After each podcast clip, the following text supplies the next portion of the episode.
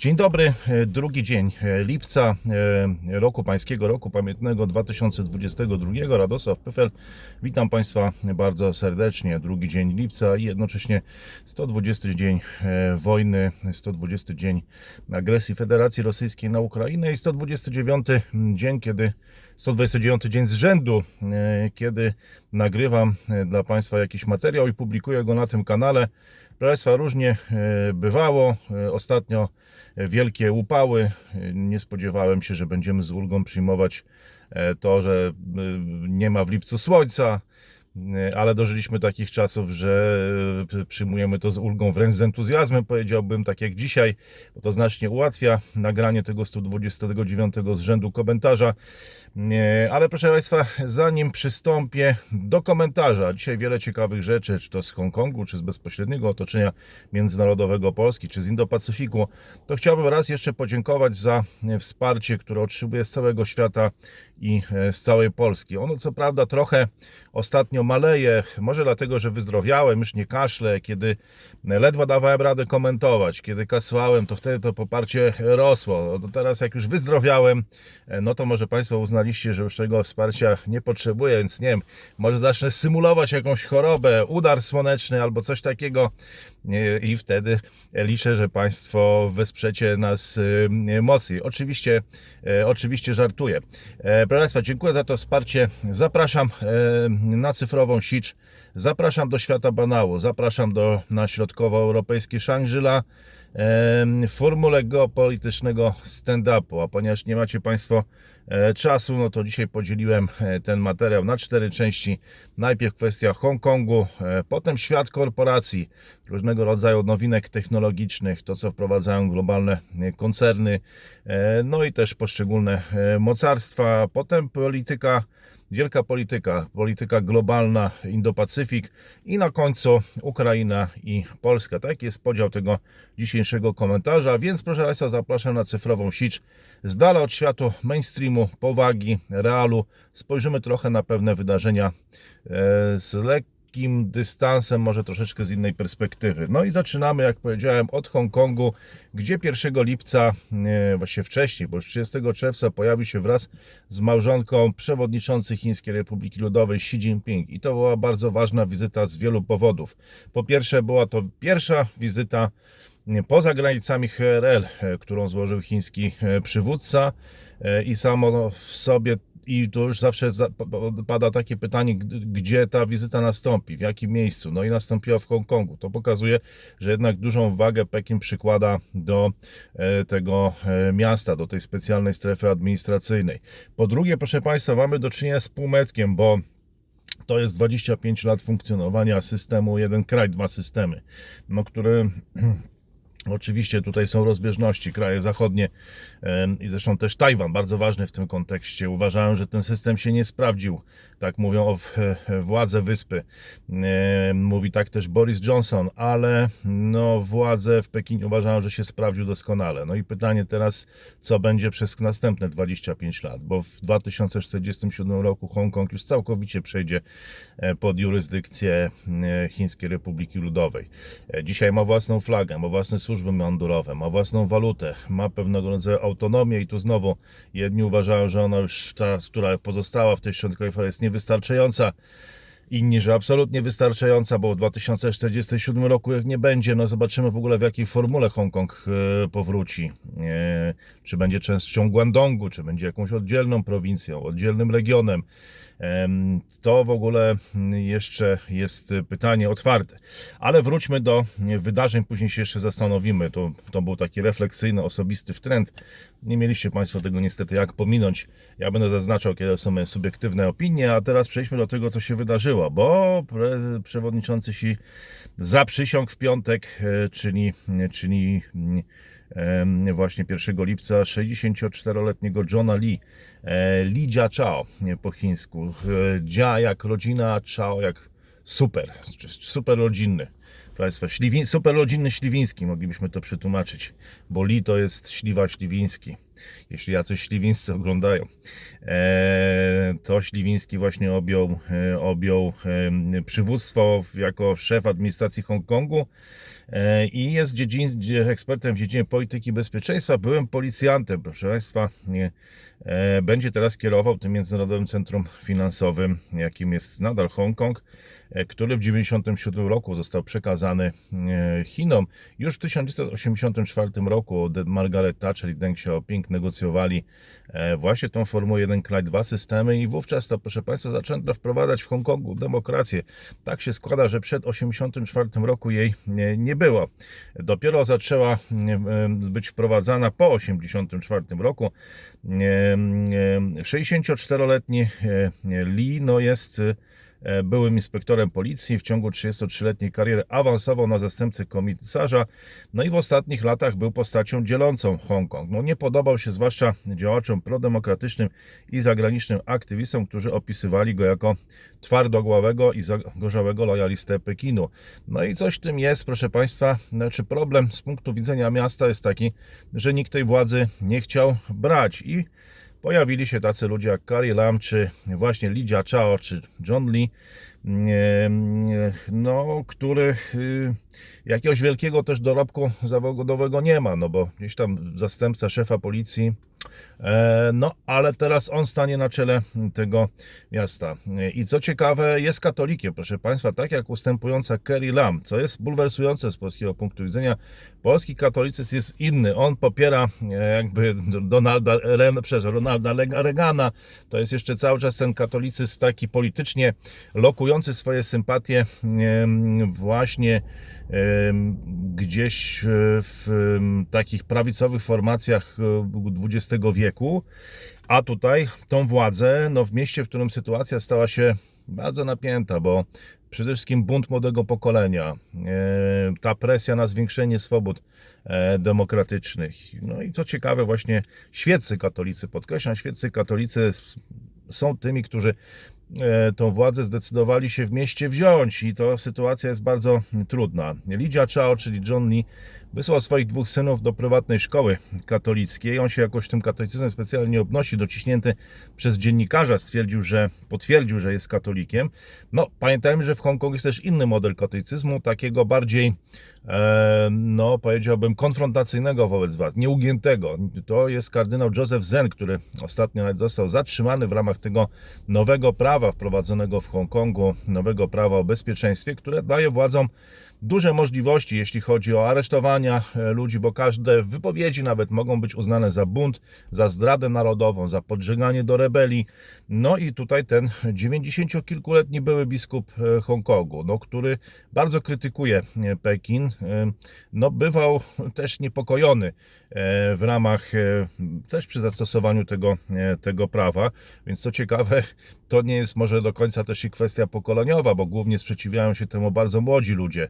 Zaczynali jako nastolatkowie, dzisiaj mają po 20 parę lat, no ale raczej o biskupie e, eminencji Józefie Zenie, że on jest jakimś nastolatkiem albo przedstawicielem młodzieży wieku 90 kilku lat, no to tego powiedzieć się nie da. O, jego katolicyzm jest bliższy tej polskiej wrażliwości, proszę Państwa.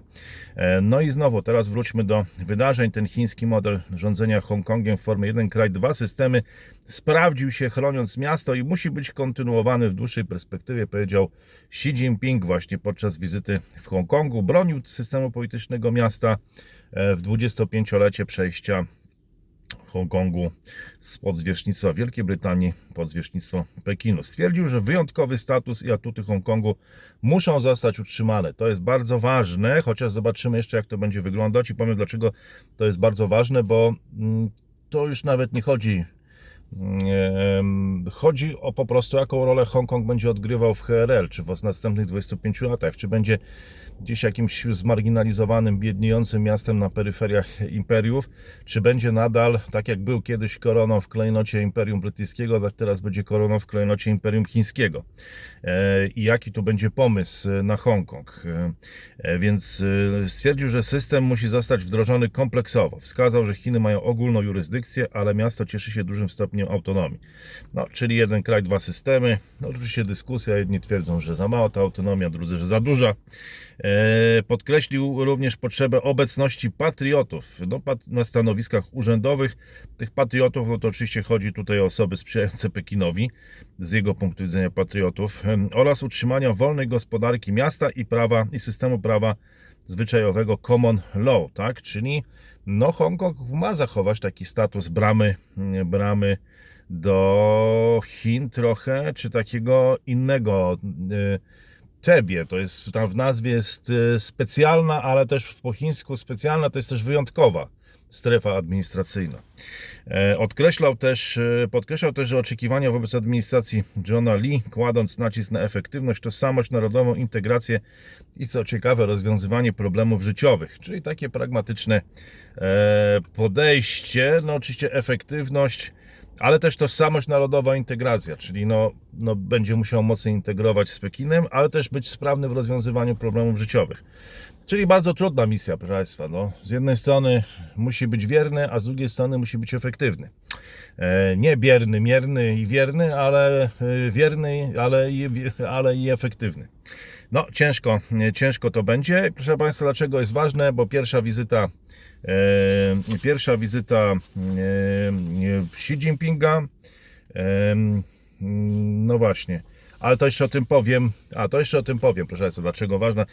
To jeszcze będzie mój osobisty komentarz, osobista refleksja. O, zaznaczę to, żebyście mogli Państwo pominąć, przynajmniej część z Państwa. A teraz jeszcze powiem, e, co powiedział premier Boris Johnson, bo on zapowiedział, że Wielka Brytania zrobi wszystko, co w jej mocy, aby Pekin dotrzymał zobowiązań dotyczących praw demokratycznych, które zostały obiecane 25 lat temu. Właściwie to nawet nie 25 lat temu, tylko 38 lat temu, kiedy Hongkong został, Hongkong został zwrócony Chinom w 1997 roku, ale negocjowano to w 1984. Johnson powiedział, że Chiny nie wypełniły swojego zobowiązania do przestrzegania porozumienia jeden kraj, dwa systemy uzgodnionego w ramach umowy, która zakończyła brytyjskie rządy kolonialne w Hongkongu. To był bardzo mądry ruch Brytyjczyków, trzeba powiedzieć, bo w czasach brytyjskich demokracji w Hongkongu nie było. Ona została wprowadzona, zaczęła być wprowadzana dopiero wtedy, kiedy, e, kiedy było już wiadomo, że Hongkong powróci do Chin. I niektórzy byli sceptyczni, mówili, że demokracja w Chinach, oj, to się nie uda, Hongkończycy nie będą jej chcieli. A jednak Brytyjczykom się udało ją na zakończenie swoich rządów e, wprowadzić i to no, to jest y, tutaj bardzo ciekawa, e, ciekawa y, kwestia. E, A i bardzo ważna deklaracja, proszę Państwa, premiera e, wyspy, premiera Tajwanu Su Zhengchanga, który w 25. rocznicę powrotu miasta pod chińskie rządy powiedział, wolność w Hongkongu zniknęła. Chiny nie spełniły swoich obietnic o 50 latach w mieście bez zmian. Te zmiany nastąpiły i tutaj cała rozgrywka też jakby toczy się o Tajwan, proszę Państwa. Czy Tajwan będzie zainspirowany tym modelem? Czy zobaczy, że ten model przynosi więcej korzyści e, niż tam jakieś samodzielne istnienie, mm, samodzielna egzystencja gdzieś tam jako wyspa, która cały czas jest w konflikcie zresztą z kontynentem. No i w 2019 roku sondaże całkowicie zwariowały i, i Tajwańczycy zaczęli popierać niepodległościowców. Już Kuomintang, który był bardziej skłonny do rozmów, do jakiejś formy porozumienia z kontynentem, te wybory przegrał i nastroje całkowicie się zmieniły. Myślę, że na chyba na jakąś dekadę mniej więcej ta opcja przestała być możliwa na Tajwanie i to jest wszystko to, co dzieje się w Hongkongu jest bardzo ważne, proszę Państwa. I to jest kolejny powód, dla którego była to ważna wizyta, bo była pierwsza za granicą.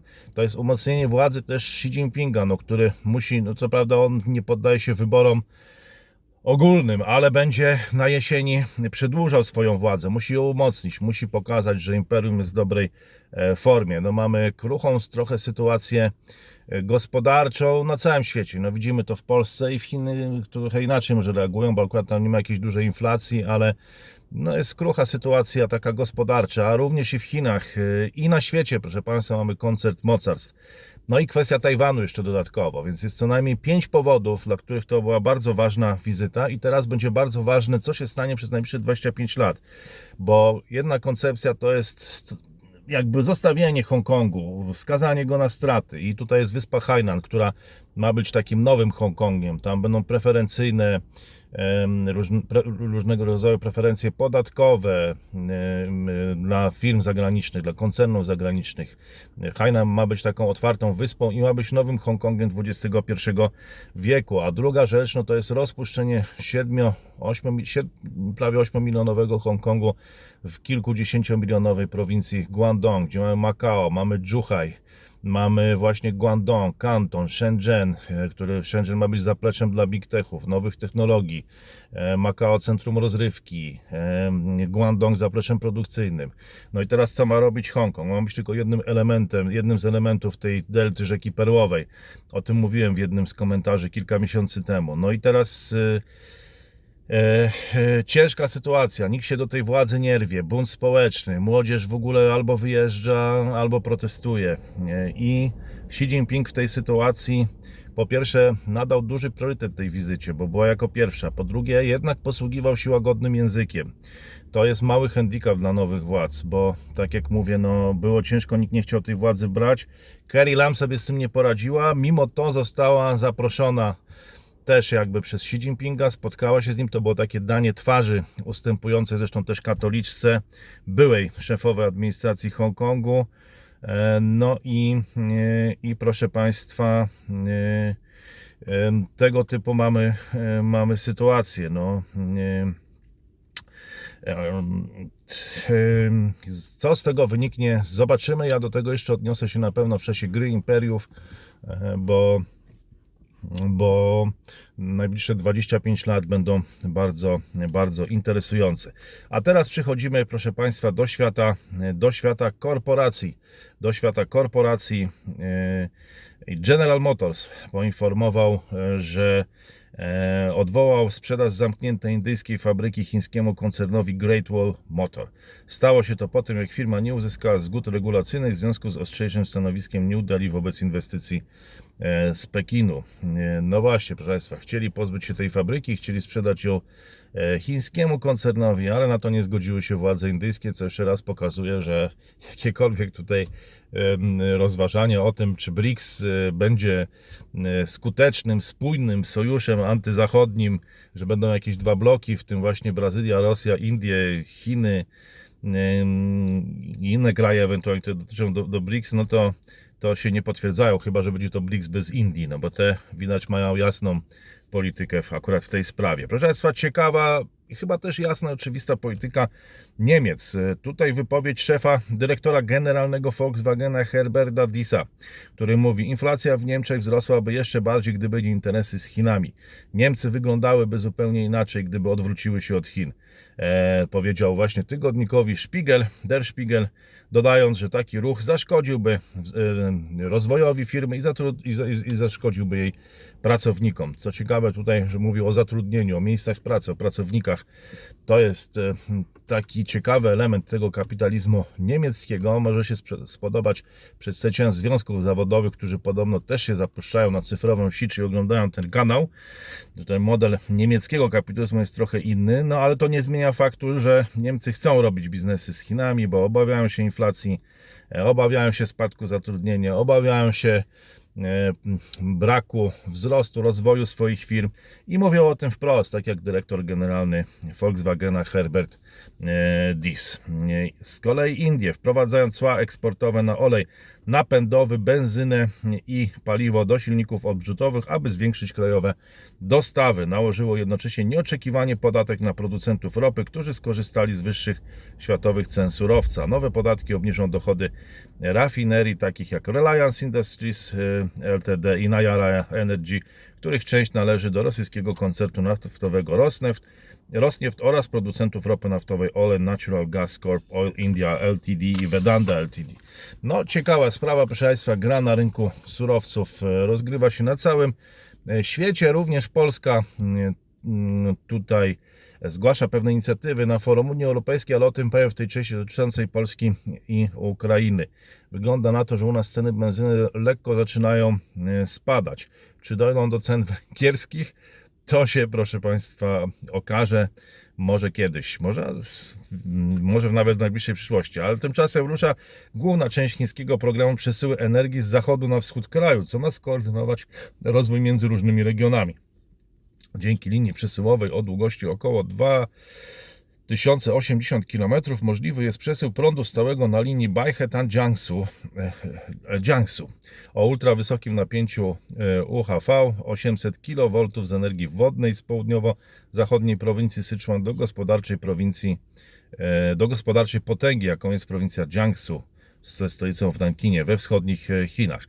Według State Grid Corporation of China jest to pierwszy na świecie projekt przesyłu prądu stałego UHV wykorzystujący nowe podejście, które łączy konwencjonalne technologie prądu stałego i elastyczne technologie prądu stałego. No, bardzo wielu inżynierów obserwuje ten kanał. Zapuszcza się na cyfrową, e, może nie elektroniczną, ale cyfrową sieć, więc może, e, może to wytłumaczycie, e, na czym polega innowacyjność tego, tego projektu. Chińczycy no, lubują się już od tysięcy lat, czy właściwie całe Chiny to jest poszukiwanie jakichś mega, mega projektów, które będą niezwykle efektywne i rozwiążą mm, problemy no, tych kontynentalnych mas, e, na których rozciąga się, rozciągało się państwo, państwa chińskie albo państwo chińskie. Dzisiaj właściwie mm, no, jedno, chociaż niektórzy twierdzą, że, mm, że niekoniecznie. E, A tymczasem właśnie KEPCO, KEPCO, Nuclear Fuel, czyli koreański dostawca paliwa jądrowego jest gotowy, aby podzielić się z Polską technologią swojej produkcji. Według informacji KNF oferta budowy jądrowej, którą Koreańczycy złożyli Polakom zawiera opcję dostaw, ale jeśli będzie taka potrzeba, są w stanie zbudować taki obiekt w kraju nad Wisłą. No ale nie wiem, czy Polacy akurat będą zainteresowani nowymi technologiami. Ja mam wrażenie, że troszkę może czasami inne wartości e, liczą się w kraju nad Wisłą, no ale skoro tyle mediów o tym pisze, e, no to bardzo jestem ciekaw, jak się rozstrzygnie ten kontrakt, bo widzę, że tutaj e, no sporo, e, sporo, sporo się o tym mówi. E, No dobrze, a teraz w 21 minucie i 42 sekundzie przenosimy się nad Indo-Pacyfik, e, proszę Państwa, E, i do globalnej polityki, świat globalnej polityki. Ferdynand Marcos Jr., syn obalonego dyktatora, został zaprzysiężony na prezydenta Filipin po oszałamiającym zwycięstwie wyborczym. Podczas inauguracji chwalił dziedzictwo swojego ojca i pominął jego brutalną przeszłość. No, pan Ferdynand e, senior, no, czasami, e, czasami się nie oszczędzał i też ludu Filipin. Miało, ma to miejsce 36 lat e, po wspieranej przez armię rewolcie People Power, która usunęła ojca z urzędu w kraju, gdzie święta państwowe pomniki Konstytucja Filipin przypominają o końcu tyranii Ferdynanda Marcosa seniora. No i ciekawe teraz, proszę Państwa, czy będzie promarkosynizacja, czy będzie, będą teraz burzone tamte pomniki, czy będzie dedemarkosyzacja, E, bo była demar- demarkosyzacja, to teraz będzie dedemarkosyzacja i te pomniki właśnie chwalące obaleniem e, Marcosa seniora teraz będą znikać. No zobaczymy, proszę Państwa, no są kraje, które do pomników przywiązują bardzo dużą rolę właśnie do tej polityki symbolicznej. Filipiny na pewno są jedno z nich. Ja spędziłem trochę czasu na Filipinach i właśnie to mnie uderzyło bardzo duże takie podobieństwo, że tam ludzie naprawdę walczyli, walczyli o te symbole. To było dla nich bardzo ważne. E, No i zobaczymy, jak teraz w tej pragmatyce władzy to będzie wyglądać. No bo jak już e, nabudowali tych pomników, a potem wybrali syna e, byłego prezydenta na prezydenta, no to e, co to oznacza w polityce symbolicznej? Zobaczymy. Proszę Państwa, a tymczasem wiceprezydent Chin, no, taka funkcja, czy wiceprzewodniczący, o przewodniczącym jest Xi Juxi, czyli, czyli Xi Jinping, ale e, wiceprzewodniczący Wang Jishan wzywa do lepszego podejścia do Morza Południowochińskiego, właśnie też i lepszych relacji z Filipinami w czasie, gdy prezydent Marcos przyjmuje stery rządów. Wang Jishan wziął udział w ceremonii inauguracji e, Ferdynanda Marcosa Jr. i powiedział, że Filipiny są priorytetem dla chińskiej dyplomacji. No, Xi Juxi, przewodniczący Chin, był, e, był w Hongkongu, a, a wiceprzewodniczący na Filipinach. Więc no, dużo ciekawego dzieje się w tamtym regionie. A teraz przeskakując trochę do, na drugą stronę Pacyfiku. Amerykańska Agencja Ochrony Środowiska EPA straciła część swoich uprawnień do redukcji emisji gazów cieplarnianych w wyniku orzeczenia Sądu Najwyższego Stanów Zjednoczonych. Stanowi to poważny cios dla planów klimatycznych prezydenta Joe Bidena, który nazwał je destrukcyjną decyzją. No, trochę kłopotów jednak ma e, Joe Biden, jeszcze o tym będziemy mówili, kwestie obyczajowe również. Podkreślił, że nie podważa na jego wysiłku w walce z kryzysem klimatycznym. Sprawa przeciwko EPA została wniesiona przez stan zachodnia Virginia w imieniu 18 innych stanów, w większości kierowanych przez republikanów i niektórych największych krajowych spółek węglowych. Argumentowali, że agencja nie ma uprawnień do ograniczania emisji w całych Stanach. E, No, mamy ten lewicowy światopogląd, walka ze, ze zmianami klimatycznymi, e, możliwość choćby do swobodnej aborcji, a dużo stanów amerykańskich jednak ma inne poglądy w tej sprawie i zaczyna być to duży problem dla spoistości Stanów Zjednoczonych, proszę Państwa. Więc e, no, może być to duże wyzwanie. Prezydent Joe Biden powiedział w piątek, że niektóre stany będą próbowały aresztować kobiety właśnie za przekraczanie linii stanowych w celu dokonania aborcji po tym, jak Sąd Najwyższy obalił konstytucyjne prawo do, za, do tych zabiegów w całym mm, kraju. E, 13 stanów rządzonych przez republikanów zakazało lub poważnie og- ograniczyło tą procedurę w ramach tzw. ustaw spustowych po tym, jak w zeszłym tygodniu sąd uchylił przełomowe orzeczenie w sprawie Roe e, v. Wade z 1973 roku. Kobiety właśnie w tych stanach poszukujące aborcji będą musiały się udać do stanów, gdzie jest ona, jest ona e, legalna, proszę Państwa. Em, No właśnie, a tymczasem w Izraelu Jair Lapid został tymczasowym premierem, zastępując po zaledwie roku premiera Naftalego Beneta. To wynik rozpadu w zeszłym tygodniu koalicji, którą otworzył z Benetem. Lapid jest szefem centrowej partii, teraz poprowadzi kraj, który planuje wybory na 1 listopada, które będą już piątymi w ciągu niespełna czterech lat. No ciekawe jak można tak często e, właśnie, e, e, proszę Państwa, em, decydować się na, na wybory. I mamy, mamy e, Koreę Północną, proszę Państwa, która zasugerowała, że wybuch pandemii COVID-19 w tym kraju rozpoczął się u osób, które miały kontakt z balonami latającymi z Korei Południowej. Aktywiści z południa od lat latają balonami przez granicę, aby rozprowadzić setki tysięcy ulotek propagandowych krytycznych wobec przywódcy Korei Północnej Kim Jong-una. Korea Północna często wyrażała oburzenie z tego powodu. No i przenieśli covid zdaniem Korei Północnej, a tak proszę Państwa, to w sumie trochę całkiem zabawne, że, że ludzie z, z Korei Południowej mogą sobie polatać balonami nad Koreą Północną i rozrzucać tam jakieś ulotki. No, pierwszy raz o tym słyszę i szczerze mówiąc nie wiedziałem, że to jest w ogóle że to jest w ogóle możliwe. No ale przejdźmy, proszę Państwa, do poważniejszej sprawy, bo Wielka Brytania, o której tutaj dużo mówiliśmy w kontekście Hongkongu. Y, Wielka Brytania y, mówi o tym, że e, właściwie Boris Johnson mówi o tym, że Wielka Brytania i Zachód muszą zapewnić równowagę w stosunkach z Chinami i są gotowe przeciwstawić się Pekinowi tam, gdzie jest to konieczne. Mamy ogromne relacje gospodarcze z Chinami. Czyli rozumiem, że to jest ten pierwszy element równowagi.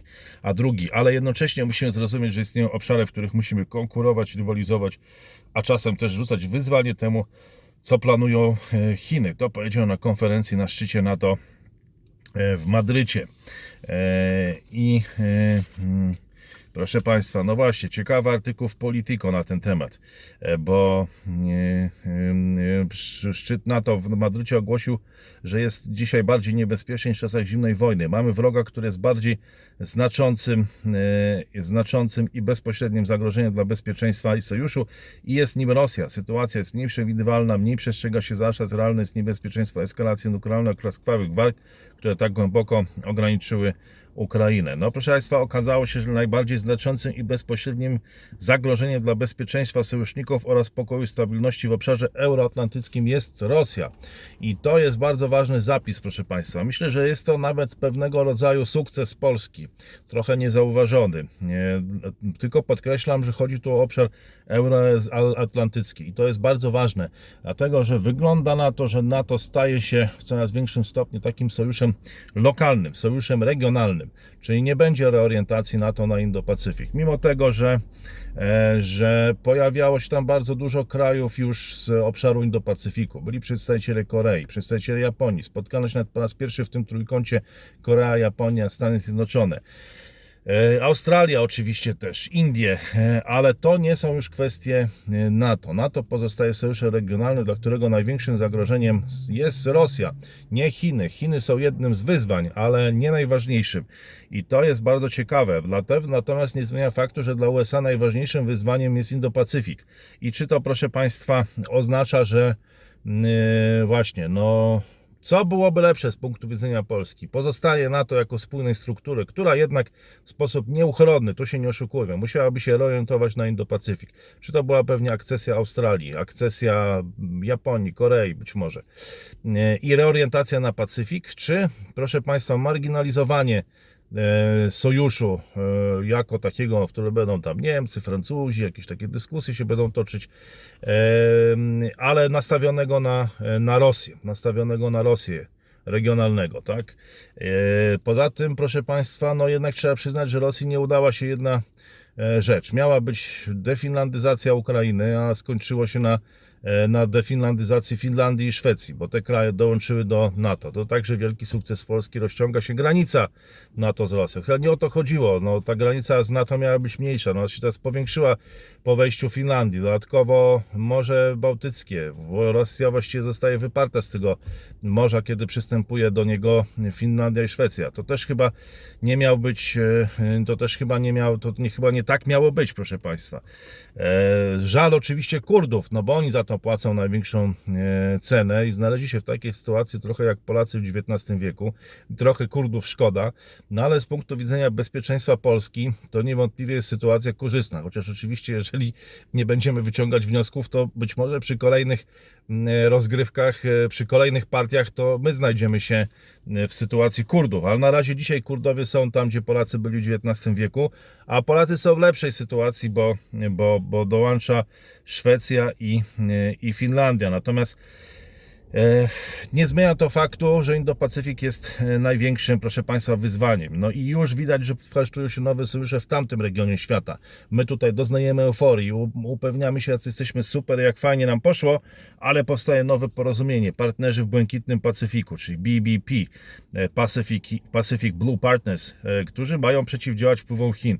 I prawdopodobnie on się powiększy, obejmie więcej krajów europejskich. Obecnie to są w tym partnerstwie BBP BP, e, USA, Wielka Brytania, Japonia, Australia, Nowa Zelandia, przy czym właśnie Australia i Nowa Zelandia chcą stać się liderami tej inicjatywy, ale niektórzy twierdzą, że Francja już jest zainteresowana udziałem w tym projekcie, e, pomimo napięć, a może właśnie z powodu tych napięć spowodowanych Paktem Bezpieczeństwa AUKUS. I to porozumienie ma stać się wielostronne, więc wyobrażam sobie taką sytuację, że te globalne mocarstwa skupią się w tym sojuszu, a NATO pozostaje takim sojuszem tutaj państw regionalnych, troszeczkę zmieni swoją optykę. Nie będzie najważniejszym sojuszem wojskowym XXI wieku. Może powstanie jakiś nowy i on to i będzie najważniejszy na Indo-Pacyfiku. No musimy tu no nie możemy teraz krzyczeć na siebie, że w ogóle podnosimy jakby te kwestie publicznie. Musimy się zastanawiać, co to, proszę Państwa, może dalej e, dla nas oznaczać. E, No a teraz przechodzimy do Polski Ukrainy, proszę Państwa, bo e, to jest coś, co e, tutaj najbardziej nas e, interesuje. Powoli przechodzimy. e, W 32 minucie 55 sekundzie. Świat stoi w obliczu poważnego ryzyka nuklearnego konfliktu. Wszelkie porozumienia międzynarodowe nie stanowią żadnego zabezpieczenia. Czy oni, te wszystkie państwa i poszczególni politycy naprawdę wierzą w możliwość istnienia trybunałów karnych wobec kraju o największym potencjale nuklearnym? Zuchwale i retorycznie zapytał Dmitrij e, Miedwiediew. No, mówi, no możecie sobie nas sądzić, ale no nie macie naszego płaszcza i co nam zrobicie? No znamy to, proszę Państwa, dosyć e, e, często jest to taki element, który pojawia się w światowej polityce, a tymczasem mamy już 129 dzień inwazji rosyjskiej na Ukrainie. Jak podał sztab generalny armii ukraińskiej, Rosjanie próbują okrążyć ukraińskie siły pod Lisyczańskiem w obodzie ługańskim i zaktywizowali tam działania zbrojne na kierunku Kramatorskim. Ukraina zwróciła się do Turcji o zatrzymanie i aresztowanie statku transportowego pod rosyjską banderą.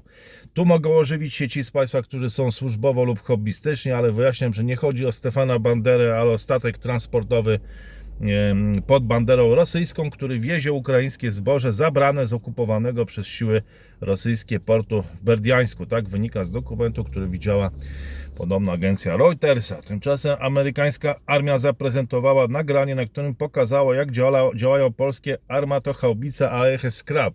No, proszę Państwa, w tle słychać, no jakże było inaczej, gitarową wersję utworu Ballada o Pancernych, czyli gramy na gitarach, proszę Państwa, teraz trochę w inny sposób. Nie wiem, czy właśnie ukraińska armia również zapuściła się na cyfrową sicz i słucha tego mm, kanału, ale właśnie Ballada o Pancernych, jest to granie na gitarach, gitarowa wersja tego utworu, bo to nie, że Ballada o Pancernych, tylko gitarowa wersja e, tutaj akompaniowała e, ten pokaz e, polskich armatochaubic, czyli po prostu mówisz Polska i, i od razu gitara ci się kojarzy, granie na gitarach. To jest e, balada o pancernych, to jest coś, co Polacy znają z czołówki popularnego serialu Czterej Pancerni i Pies. I Rosjanie też to znają. Zna to cały świat e, postsowiecki, ale tutaj szczególnie ta gitarowa wersja tego utworu, proszę Państwa, zwróciła moją uwagę. A więc jednak okazuje się, że można nawet i na gitarach grać w sposób kreatywny. Zawsze nie oznacza to grania murów Jacka Kaczmarskiego, czy jakichś przebojów właśnie z lat 80 XX wieku. Chociaż nie, w tym wypadku to są stare przeboje jeszcze z czasów PRL-u. No ale dobra, e, ale w sposób jednak bardzo kreatywny. Więc e, e, no, duży tutaj właśnie wyczucie strony ukraińskiej, która doskonale dobrała instrumentarium. E, Siły wroga pilnie wzmacniają swoje zgrupowanie w obwodzie zaporowskim, czyli na kierunku, z którego wcześniej częściowo się wycofały. Rosjanie starają się nie dopuścić do dalszych sukcesów kontrofensywy Kijowa w tym regionie, ocenił w piątek ukraiński ekspert wojskowy Ołech Żdanow. Na początku czerwca wojska rosyjskie wycofały się ze swoich pozycji w obwodzie zaporowskim. Od początku rosyjskiej inwazji na Ukrainę pojawiają się informacje, proszę Państwa, o coraz gorszym stanie zdrowia Władimira Putina. Dołączam się, rozpowszechniam te informacje, proszę Państwa, dalej ten serial cały czas trwa, co będzie z Władimirem Putinem. Teraz do sprawy odniosła się żona jednego z wygnanych rosyjskich oligarchów, która w dokumencie stacji Paramount stwierdziła, że jest przerażona staniem zdrowia rosyjskiego przywódcy. Osoba, która jest naprawdę chora, nie dba o to, co dzieje się dalej, powiedziała Tatiana Fokina. No proszę Państwa, mnie bardziej zastanawia to, że Władimir Putin tak bardzo się zmienił w ostatnich 20 latach, jak tam czasami oglądamy zdjęcia z przejęcia władzy od Borysa Jelcyna, no to właściwie można powiedzieć, że to była zupełnie inna postać. Tak bardzo się zmienił Władimir Putin i tak można powiedzieć, ja już może nie chcę e, żartować, chociaż obiecałem Państwu geopolityczny stand-up i taka jest formuła tego programu, aczkolwiek sprawy są poważne, e, ale mam wrażenie, że co też stanie się z polską polityką, proszę Państwa, jeżeli Władimira Putina zabraknie. My chyba powinniśmy życzyć mu dużo zdrowia, bo jeżeli go nie będzie, to zawali nam się cały sposób myślenia o świata. On krąży wokół Władimira Putina. Cała debata trwa o to, kto pomaga Władimirowi Putinowi, kto jest jego pomocnikiem. E, I teraz znowu, czy, e, czy to jest putinflacja, czy to Putin jest winny wszystkiemu, czy ktoś inny. I cała debata w Polsce prędzej- czy później i tak kończy się na tym, kto jest e, rosyjską onucą, kto jest pomocnikiem Putina, co jest winą. I teraz co będzie, jak Putin naprawdę zachoruje i go nie będzie? No, e, jest to bardzo groźne, bardzo groźne. Zastanawiam się, myślę, że tęgie głowy w Polsce też myślą nad tym, jakim wariant B, C lub D, bo to będzie polityczne trzęsienie ziemi w Polsce, gdzie cała polityka od 20 lat krąży wokół Władimira Putina, który już nie wiadomo, czy on nawet, czy to jest on, czy on istnieje, czy mógłby nawet nie istnieć, yy, ale uosabia po prostu wszystko to, to, to centrum wokół e, naszych wszystkich rozważań naszego świata e, po prostu e, politycznego. Trwa wojna w Ukrainie, proszę Państwa, ale Rosja nie zapomina o innych zakątkach świata. Z pomocą najemników z grupy Wagnera Władimir Putin znacznie rozszerzył swoje wpływy w Sudanie. Tamtejsze złoto pozwala mu finansować inwazję na Ukrainę i inne zbrodnicze działania. No ja nie wiedziałem, że można sobie tak pojechać do Afryki i zabrać złoto, że jakaś grupa sieci Wagnerowcy tam jeździli, zdaje się, na motorach po Polsce. Że Oni też mogą pojechać do, do, do Afryki i tam, nie wiem, czy to złoto zabrać, czy po prostu dostać to złoto od jakichś zlecenioda, zleceniodawców e, tamtejszych. Nie wiem, no widzę, że i w Polsce jest duża grupa ludzi, którzy tam się biją gdzieś między sobą.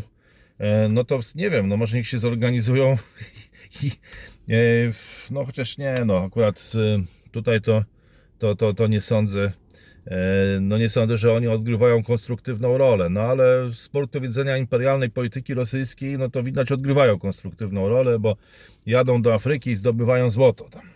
Już nie wiedziałem, że to w ten sposób nawet e, działa, e, no ale proszę Państwa, to nie zmienia faktu, że kryzys zbożowy, kryzys zbożowy już właściwie się rozkręca i w tej chwili jest największym atutem w rękach Putina. Dlatego Zachód musi podjąć odważne decyzje. Najlepszym rozwiązaniem byłoby utworzenie zabezpieczonego militarnie korytarza humanitarnego, by dostarczać transporty zboża do portów.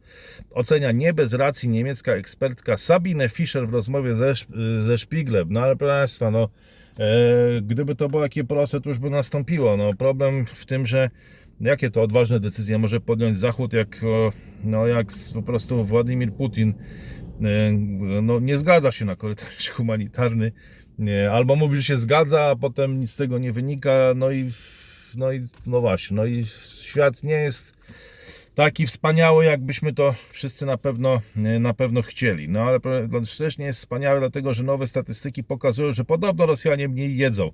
Im to pewnie nie przeszkadza, bo to dla nich nie jest najważniejsze. Ważne jest, żeby spuścić manto e, jakimś tam faszystom z Ukrainy, ale więc mogą pewnie zniosą to wszystko, ale Wojna z Ukrainą, zachodnie sankcje i ogromna inflacja zmuszają rosyjskich konsumentów do masowego zaciskania pasa.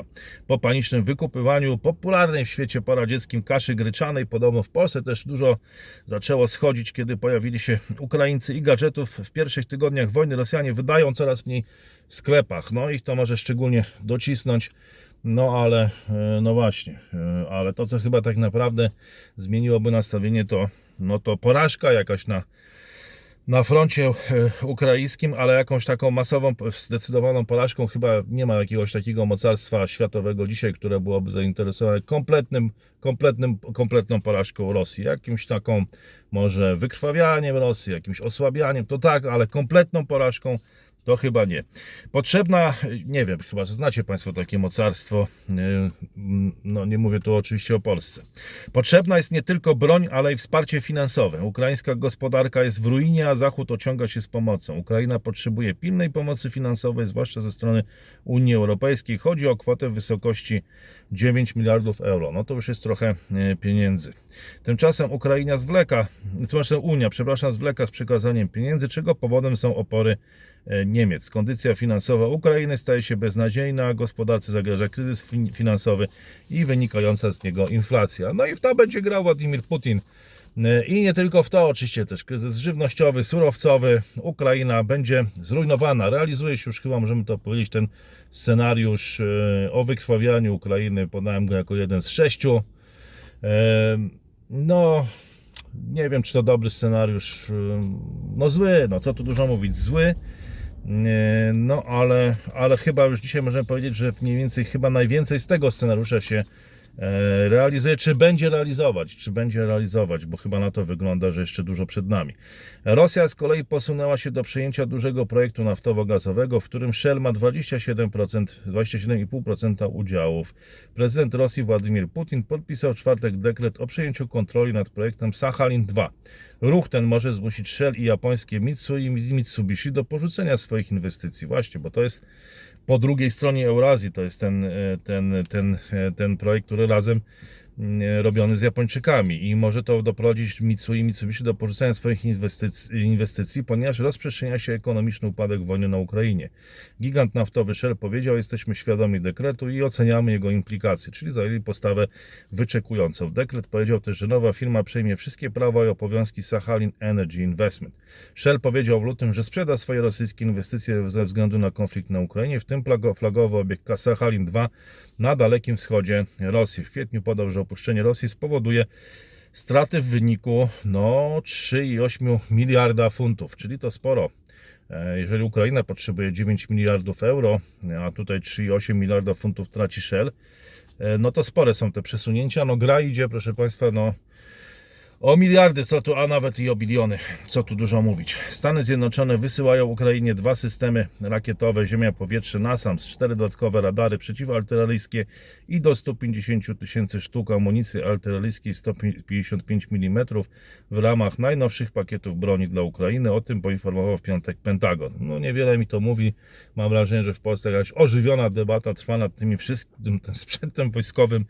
Nie, Może ktoś to z Państwa skomentuje. Kompletnie się na tym nie znam, ale znowu wielkie pieniądze w grze, proszę Państwa, bo pakiet tej pomocy jest wart około 820 milionów dolarów. Jak to się wszystko sumuje, to naprawdę są biliony. Bo tutaj 9 miliardów, tu 3,8 miliarda, teraz y, 820 milionów.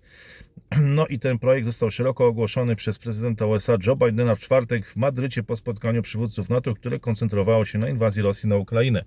Czyli z jednej strony mamy e, aborcję, mamy te Stany, które jedne chcą aborcję, drugie nie chcą. E, e, Mamy ocieplenie klimatyczne. Jedni chcą z nim walczyć, drudzy mówią, że to jakieś wymysły lewicowych e, aktywistów. No i do tego jeszcze kwestie NATO. Jak ten Joe Biden to wszystko ogarnia, proszę Państwa, bo no jest to ciekawa rozgrywka, proszę Państwa, na kilkudziesięciu szachownicach. No ale tak to jest, jak jest się, jak jest się mocarstwem globalnym. No, a tymczasem niemieckie miasto Hamburg będzie racjonować ciepłą wodę dla prywatnych gospodarstw domowych i ograniczy maksymalną temperaturę ogrzewania w przypadku ostrego braku gazu. O tym powiedział senator do spraw środowiska Niemcy z tego miasta. Niemcy przeszły w zeszłym miesiącu do drugiego etapu swojego trzypoziomowego planu awaryjnego gazu, po tym jak Rosja zmniejszyła dostawy przez gazociąg Nord Stream 2.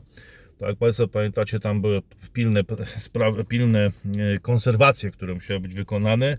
Jest to krok przed rządem, e, krok przed rządem racjonującym zużycie paliwa. Czyli Niemcy się przygotowują, wprowadzają już tam drugi czy e, drugi etap trzypoziomowego planu awaryjnego. No zobaczymy wszystko, zobaczymy jak to jesienią wypadnie. Także jak tutaj nasze polityki i nasze pomysły, proszę Państwa, jak się sprawdzą. Tymczasem Polska to bardzo ciekawa sprawa. No powiem paradoks. Może ktoś z branży, z tej branży to wyjaśni, proszę Państwa, bo Polska wnioskuje w Brukseli o objęcie rosyjskiej ropy dodatkowymi cłami. Na forum Unii Europejskiej chce przegłosować niechętne inicjatywie państwa Węgry, Czechy i Słowację. Jeśli nikt ich nie wesprze, przegrają głosowanie. No ale problem w tym, proszę Państwa, że Polska sama zwiększyła dostawy ropy z Rosji w marcu i kwietniu. Tak pokazały to pokazują to wszelkie dane. I teraz chyba chce się sama ukarać dodatkowymi cłami, więc z jednej strony zwiększa import tej ropy z Rosji, a na forum europejskim mówi, chcemy więcej ceł, bo my już chcemy się, chcemy tą ropę, którą sami ściągamy, objąć większymi cłami chyba. No nie wiem, chyba że, chyba, że wiedzieliśmy, że będą większe cła i zakupowaliśmy więcej jeszcze. Mm, Z jednej strony właśnie koncerty gitarowe, bieganie we wszystkie strony, że precz z Putinem, em, em, a z drugiej strony, a jednak musimy kupić więcej ropy, bo ona będą większe cła. Jak już zakupiliśmy więcej ropy, to teraz więcej ceł na rosyjską ropę. No nie wiem, jakoś proszę Państwa, jakoś tu są kilka takich elementów, które mi jako laikowi no nie składają się, y, nie składają się w całość, więc kupujemy coraz więcej ropy, a potem mówimy w Unii Europejskiej, że chcemy nałożyć na nią cło. Może bardziej bylibyśmy przekonywujący dla Słowaków, Węgrów i Czechów, gdybyśmy po prostu ograniczyli zakupy ropy, a potem powiedzieli więcej ceł na tą ropę. A tutaj no, to, że, że zwiększyliśmy zakupy ropy, a teraz opowiadamy się za wprowadzeniem na nie ceł, no mogą nie przekonać naszych partnerów z grupy wyszehradzkiej. Proszę Państwa, nie ustępują też zakupy węgla.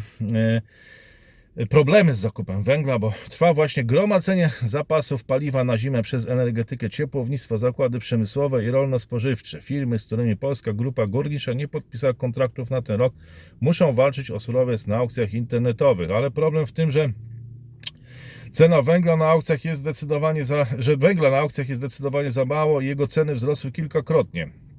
Alarmują producenci warzyw.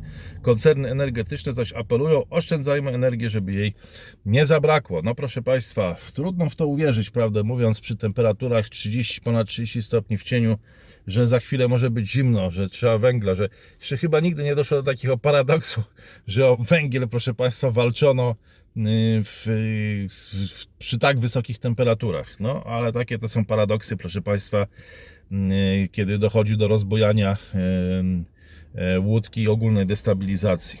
Polska musi wywiązać się ze zobowiązań dotyczących sądownictwa. Wyciągnięcie ostatecznych wniosków jest dziś niemożliwe, stwierdziła szefowa Komisji Europejskiej Ursula von der Leyen, która niedawno no, zajmowała się sprawami związanymi z G7, a teraz poświęciła trochę mm, swojej uwagi Polsce. To oznacza, że wypłaty miliardów z KPO, czyli Krajowego Programu Odbudowy dla Polski, są ciągle niepewne, czyli cały czas trwa to przeciąganie liny. No i również inflacja, proszę Państwa, właściwie nie wyhamowuje, wręcz przyspiesza. To przyznał Ludwik Kotecki z Rady Polityki Pieniężnej. Mówi więc, jaką decyzję w TVN24. E, Mówi, jaką decyzję prawdopodobnie podejmie to grono w najbliższy czwartek. Kotecki przyznaje, że należy się spodziewać kolejnej już dziesiątej podwyżki stóp procentowych. No, tak swoją drogą. Może ktoś z Państwa pamięta, czy w tak krótkim czasie tyle, tyle razy podnoszono stopę procentową, te stopy procentowe.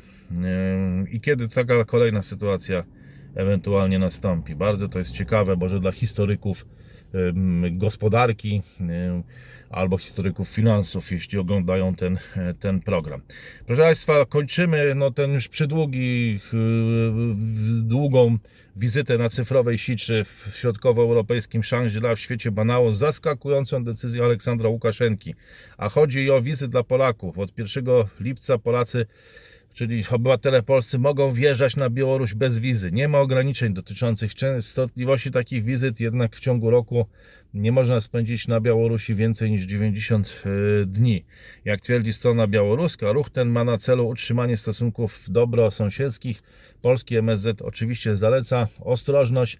No proszę Państwa, Białoruś to piękny kraj, Wielkie Księstwo Litewskie, no ale prawdę mówiąc, jeżeli rzeczywiście ludzie zaczną tam jeździć, korzystając z tego ruchu bezwizowego, no to spodziewam się, ja osobiście, jakichś prowokacji.